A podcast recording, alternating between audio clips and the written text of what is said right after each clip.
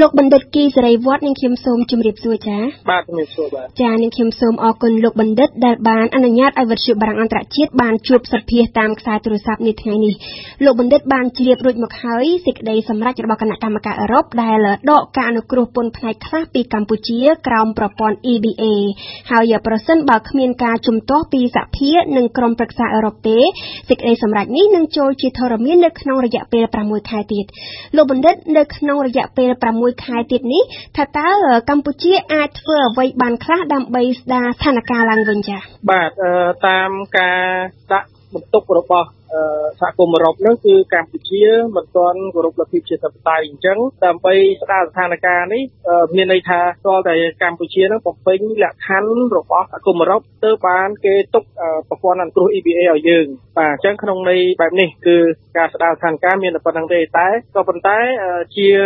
និន្នាការរបស់រដ្ឋាភិបាលតាមខ្ញុំធ្វើការសង្កេតទៅខ្ញុំយល់ថារដ្ឋាភិបាលនឹងមិនព្រួយបារម្ភអំពីការដក EBA នេះទេបាទដោយសារតែ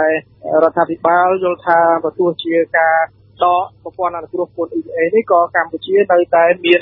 ផលិតកម្មហើយនឹងបន្តការនាំចេញទៅអឺរ៉ុបបានដដែលបាទចាដោយសារតែរដ្ឋាភិបាលកម្ពុជាហាក់ដូចជាមានជំហរតឹងរឹងនៅចំពោះមុខសំណុំពរឬក៏សំណើរបស់សហភាពអឺរ៉ុបក្នុងរឿងនយោបាយបែបនឹងហើយទើបមតិមួយចំនួនឲ្យយោបល់ថាដើម្បីបញ្ជៀសផលប៉ះពាល់ខ្លាំងមកលើសេដ្ឋកិច្ចកម្ពុជា កម្ពុជាគួរតែពន្លឿនការធ្វើពិពិធកម្មសេដ្ឋកិច្ចមែនទែនទៅពិពិធកម្មសេដ្ឋកិច្ចកម្ពុជានេះត្រូវអ្នកជំនាញសេដ្ឋកិច្ចលើកឡើងរាប់សិបឆ្នាំមកហើយប៉ុន្តែរហូតមកទល់ឥឡូវយើងសង្កេតឃើញថាមិនទាន់បានសម្រេចអ្វីជាដុំកំភួនទេតើនេះបណ្ដាលមកពីហេតុអ្វីចា៎បាទការធ្វើវិពិតកម្មសេដ្ឋកិច្ចមិនបានគឺដោយសារតែក្រុមហ៊ុនរ៉ូស៊ីធំធំហ្នឹងគឺជាក្រុមហ៊ុនផ្ដាច់មុខហើយក្រុមហ៊ុនមួយចំនួនទៀតបានប្រែក្លាយម្ចាស់ក្រុមហ៊ុនហ្នឹងឲ្យក្លាយទៅជាអុកញ៉ាក្លាយទៅអ្នកមានអំណាចដើម្បីយកអធិបុលទាំងអស់នេះមកសាងទៅលើអាជីវកម្មរបស់ខ្លួនដែល បិទទីផ្សារមិនឲ្យមានការប្រកួតប្រជែងពេញលេញអញ្ចឹងហើយកត្តាទាំងអស់នេះធ្វើឲ្យវិបត្តិកម្មសេដ្ឋកិច្ចហ្នឹងគឺអាចអត់អាចមានដំណើរការបានទេបាទខ្ញុំចង់លើកទៅលើសម្ដៅទៅលើឧស្សាហកម្មបាទនឹងការផលិតបាទនៅកម្ពុជាយើងមិនសូវមានវិស័យផលិតកម្មទេភាគច្រើនគឺយើងធ្វើតែវិស័យពាណិជ្ជកម្មគឺយើងទិញយកមកលក់បើយើងទិញគេយកមកលក់ហើយអ្នកដែលទិញគេយកមកលក់ហ្នឹងគឺជាអ្នកដែលមានអធិបុល ហើយគាត់ទិញគេយកមកលក់អញ្ចឹងគាត់មិនអាចលើកកម្ពស់ឲ្យផលិតបានទេកាលណាផលិតនៅក្នុងស្រុកបានគឺគាត់មិនអាចទិញយកមកលក់បានទៀតអញ្ចឹងមានន័យថាទីផ្សារវាត្រូវបាន រាំងស្ទះដោយផលិតកម្មយើងមិនមានដូច្នេះពិពិធកម្មសេដ្ឋកិច្ចយើងអាចទៅមុខបានចានៅពេលនិយាយដល់ពិពិធកម្មសេដ្ឋកិច្ចនេះលោកបណ្ឌិតថាតើមានវិស័យអ្វីខ្លះដែលកម្ពុជាអាចធ្វើបានល្អនិងដែលអាចជួយរុញច្រានសេដ្ឋកិច្ចកម្ពុជានឹងឲ្យដើរលឿនទៅមុខបើតាមយោបល់លោកបណ្ឌិតចាបាទពិពិធកម្មសេដ្ឋកិច្ចវាត្រូវការពេលកាលណាយើងនិយាយអំពីការផ្លាស់ប្ដូររចនាសម្ព័ន្ធផលិតកម្មត្រូវការជាជីវៈនៃកម្លាំងពលកម្មហើយកម្លាំងពលកម្មយើងគាត់មានភាពស្ទាត់ជំនាញទៅលើវិស័យកាត់ដេរ ច្រើនមកហើយក៏ប៉ុន្តែវិស័យដតីដតីទៀតឧទាហរណ៍ថាគ្រឿងអេឡិចត្រូនិកវិស័យមេកានិកយើងមិនទាន់មានកម្លាំងពលកម្មគ្រប់គ្រាន់នៅឡើយទេអញ្ចឹងវាទាមទារឲ្យមានការបណ្ដុះបណ្ដាលជីវៈហើយការបណ្ដុះបណ្ដាលជីវៈនេះវាត្រូវការពេលប្រហែលជា6ខែទេក៏ប៉ុន្តែការដែលប្រមូលកម្លាំងពលកម្មរាប់ម៉ឺននាក់ឲ្យចូលទៅក្នុងសាលានោះទើបជាការលំបាកវិស័យដែលយើងកែប្រែមុនគេបំផុតនោះគឺវិស័យទេសចរ វិស័យទេសចរគឺជាវិស័យស្នូលសម្រាប់រុញកំណើនសេដ្ឋកិច្ចក្នុងរយៈពេលមានបញ្ហាបែបនេះអញ្ចឹងគោលនយោបាយទេសចរហើយនឹងការបណ្ដុំដាលជាជីវៈលើវិស័យទេសចរត្រូវជំរុញឲ្យបានលឿននិងការរៀបចំហេដ្ឋារចនាសម្ព័ន្ធនិងលើកកម្ពស់ឲ្យទេសចរចូលមកកម្ពុជាហ្នឹងគឺជារឿងសំខាន់ដោយសារអីធនធានទេសចរយើងមានស្រាប់យើងមានធនធានវប្បធម៌ដូចជាប្រាសាទយើងមានតំបន់ទេសចរធម្មជាតិយើងមានតំបន់ទេសចរឆ្នេរអញ្ចឹងអាហ្នឹងត្រូវតែ វាជាសក្តានុពលសម្រាប់ភ្លាមភ្លាមទប់ជាមួយនឹងបញ្ហាហើយកត្តាទី2គឺកត្តាឧស្សាហកម្មដែលប្រើប្រាស់គ្រឿងអេឡិចត្រូនិកចឹងគេហៅឧស្សាហកម្មចំនួនទី4ដែលយើងប្រើតាមបច្ចេកវិទ្យាកុំព្យូទ័រហ្នឹងគឺត្រូវតែបង្ឲ្យមានប្រព័ន្ធ 5G នៅកម្ពុជាបើអត់មានប្រព័ន្ធ 5G ទេគ្រឿងយើងនិយាយអំពីឧស្សាហកម្មចំនួនទី4ហ្នឹងគឺយើងអត់អាចទៅរួចទេដោយសារតែប្រព័ន្ធអ៊ីនធឺណិតនៅស្រុកយើង 4G មែនតែកម្រិត 3G ទេអញ្ចឹងរអាក់រអួល ជានិច្ចកាលដែលដូច្នេះហើយវាការធ្វើវិកម្មអនឡាញធ្វើឲ្យឲ្យយើងខាតបង់ប្រាក់ចំណូល អំពីវិជ្ជកម្មនេះដោយសារតែប្រព័ន្ធអេឡិចត្រូនិកយើងប្រព័ន្ធអ៊ីនធឺណិតយើងដំណើរការមិនល្អចាលោកបណ្ឌិតលើកឡើងពីវិស័យពីរគឺទេសចរហើយនិងឧស្សាហកម្មផ្នែកអេឡិចត្រូនិកនេះខ្ញុំចង់សួរត្រឡប់ទៅលោកបណ្ឌិតវិញតកតងទៅនឹងវិស័យទេសចរប៉ះសិនបើយើងអភិវឌ្ឍកម្លាំងពលកម្មនៅក្នុងវិស័យទេសចរមានន័យថាទីបំផុតទៅយើងនៅតែពឹងផ្អែកទៅលើអ្នកទេសចរបរទេសដែលត្រូវជិះយន្តហោះឬមួយក៏ធ្វើដំណើរចូលមកកាន់ប្រទេសកម្ពុជាយើងដើម្បីចំណាយលុយដដែលទី1ទី2តកតងទៅនឹងវិស័យឧស្សាហកម្មតកតងនឹងបច្ចេកវិទ្យាដែលលោកបណ្ឌិតលើកឡើងថាត្រូវជំរុញឲ្យមាន 5G ឲ្យបានឆាប់រហ័សនៅបណ្ដាប្រទេសធំធំជាពិសេសនៅបច្ចិមលោកគេជជែកគ្នាសម្បើមណាស់រឿង 5G នេះដោយសារតែវាពាក់ព័ន្ធទៅនឹងសន្តិសុខជាតិតាមពិតបាទតាមពិតគឺជាការយល់ច្រឡំទេ 5G មិនមែនជាការលួចនៅទិន្នន័យសន្តិសុខជាតិទេបាទរឿងនោះគឺរឿងទូរស័ព្ទ Huawei របស់ចិនទេដែល បំពាក់នៅប្រព័ន្ធ 5G នៅខាងក្នុងនោះអាចប្រើជាមួយនឹងបណ្ដាញអ៊ីនធឺណិត 5G ហើយវាបង្កប់នៅ file គេហៅថាបង្កប់នៅប្រព័ន្ធយកការយកការទិន្នន័យទេអញ្ចឹងវាមិនមែនមកពី 5G ទេ 5G វាគ្រាន់តែជាប្រព័ន្ធផ្ដល់នៅល្បឿននៃអ៊ីនធឺណិតដែលក្នុង1គីឡូម៉ែត្រ4ជ្រុងអាចចំណេញបាន1លានអ្នកបាទអញ្ចឹងក្នុងន័យនេះប្រព័ន្ធ 5G នេះវាជួយឲ្យមនុស្សទាំងអស់ access ទៅលើអ៊ីនធឺណិតហ្នឹងបានស្រួលហើយនឹង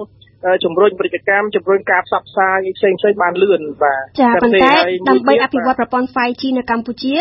ដ្ឋាភិបាលកំពុងតាក់ទងជាមួយក្រុមហ៊ុន Huawei ដែរចាបាទអឺនោះគឺជាការចោទប្រកាន់មួយរបស់អាមេរិកទៅលើក្រុមហ៊ុន Huawei ក៏ប៉ុន្តែយើងមិនមិនមានការសិក្សាស្រាវជ្រាវណាមួយឲ្យប្រកបវិទ្យាថាក្រុមហ៊ុន Huawei ពិតជាមានចរិតដូចចរិតធ្វើការហ្នឹងទេយើងមិនទាន់មានព័ត៌មានច្បាស់ហើយមួយទៀតការណាប្រព័ន្ធអ៊ីនធឺណិតបច្ចុប្បន្ននេះក៏យើងប្រើមិត្តហ្វូនប្រើអីហ្នឹងក៏វាស្ថិតនៅក្រោម ការគ្រប់គ្រង data ពីបណ្ដាប្រទេសវៀតណាមឬបណ្ដាប្រទេសអីដែរអញ្ចឹងប្រសិនបើប្រព័ន្ធ security របស់យើងព័ន្ធសុវត្ថិភាពអ៊ីនធឺណិតយើងមិនល្អត្រូវបានគេលួចទេ data នេះទោះបីជាយើងប្រើប្រព័ន្ធអីក៏គេអាចលួចបានដែរអញ្ចឹងខ្ញុំគិតថាវាគឺជារឿងធម្មតានៃការប្រើប្រព័ន្ធអ៊ីនធឺណិតទេតែបើសិនជាយើងកុំឲ្យប្រព័ន្ធទិន្នន័យសន្តិសុខយើងចូលទៅក្នុងប្រព័ន្ធ 5G ដែលគេអាចលួចបានយើងលាក់ទុកឯណាផ្សេងអញ្ចឹងរដ្ឋាភិបាលត្រូវបង្កើត big data មួយបាទ big data ហ្នឹងគឺសម្រាប់គ្រប់គ្រងទិន្នន័យថ្នាក់ជាតិទាំងមូលអញ្ចឹងវាមានប្រព័ន្ធសុវត្ថិភាពខ្ពស់ដែលមិនអាចឲ្យគេលួចទិន្នន័យរបស់យើងបានចាដោយឡែកចំពោះវិស័យទេសចរវិញចាបាទចំពោះវិស័យទេសចរគឺងាយស្រួលណាស់ព្រោះដោយសារតែបច្ចុប្បន្ននេះយើងបម្រើសេវាអន់មានន័យថាការការអនុវត្តច្បាប់ទេសចរយើងនៅខ្សោយហើយអ្នកដឹកជញ្ជូន tour guide ព្រមទាំងភោជនីយដ្ឋាននិងសេវាទេសចរនានាគាត់បានគេងចំណេញគៀបគៀបចំណេញពី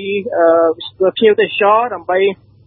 លក់យកវត្ថុអនុស្សាវរីយ៍បាទហើយម្នាក់ម្នាក់នាំគ្នាដាក់អួតដាក់គ្នាថាធ្វើវិស័យហ្នឹងនៅសៀមរាបខ្លាយទៅជាអ្នកមានគ្រប់គ្នាតាមពិតគឺជាការបំផ្លាញនៅអឺទីផ្សាររបស់ខ្លួនឯងអញ្ចឹងតាំងពីឆ្នាំ2001 2002មកតាមខ្ញុំធ្លាប់ដឹងហ្នឹងរហូតដល់បច្ចុប្បន្ននេះវាជិត20ឆ្នាំដែលធ្វើឲ្យវិស័យទេសចរហ្នឹង វាទទួលរងគ្រោះនៅភាពចុះខ្សោយអញ្ចឹងហើយរដ្ឋាភិបាលត្រូវតែដូរគោលនយោបាយនិងរៀបចំច្បាប់ឡើងវិញហើយនឹងប្រម៉ូតប្រម៉ូត event ឲ្យបានច្រើនជាពិសេស world event ហ្នឹងដើម្បីឲ្យភ្ញៀវទេសចរគេចាប់អារម្មណ៍មកមើលកម្ពុជាវិញហើយទទួលនៅសេវាដ៏ល្អទី2ការរៀបចំកាយកាយនៅតាមប្រាសាទហ្នឹងមិនចេះពន្យល់អំពីប្រាសាទទេគេគាត់ទៅមកឃើញតែប្រាសាទគេថាហ្នឹងដុំថ្មហើយត្រឡប់ទៅវិញ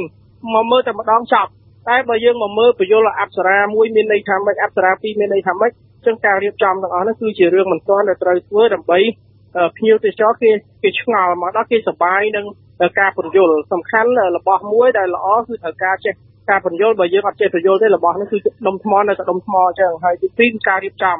តែយើងទៅមើលប្រាសាទអង្គរវត្តរបស់យើងផ្លូវដើរមិនមានជាក់លាក់ណាមួយទេគឺយើងដើរទៅពីកាត់ស្មៅកាត់អីចឹងទៅ បាទយើងអត់បានរៀបចំផ្លូវដើរយើងអត់បានរៀបចំឲ្យបានស្អាតទេបាទអញ្ចឹងកត្តាហ្នឹងសុទ្ធតែជាចំណុចដែលខ្វះខាតត្រូវរៀបចំជាបន្ទាន់ហើយមួយទៀតនៅហេដ្ឋារចនាសម្ព័ន្ធទៅតាមតំបន់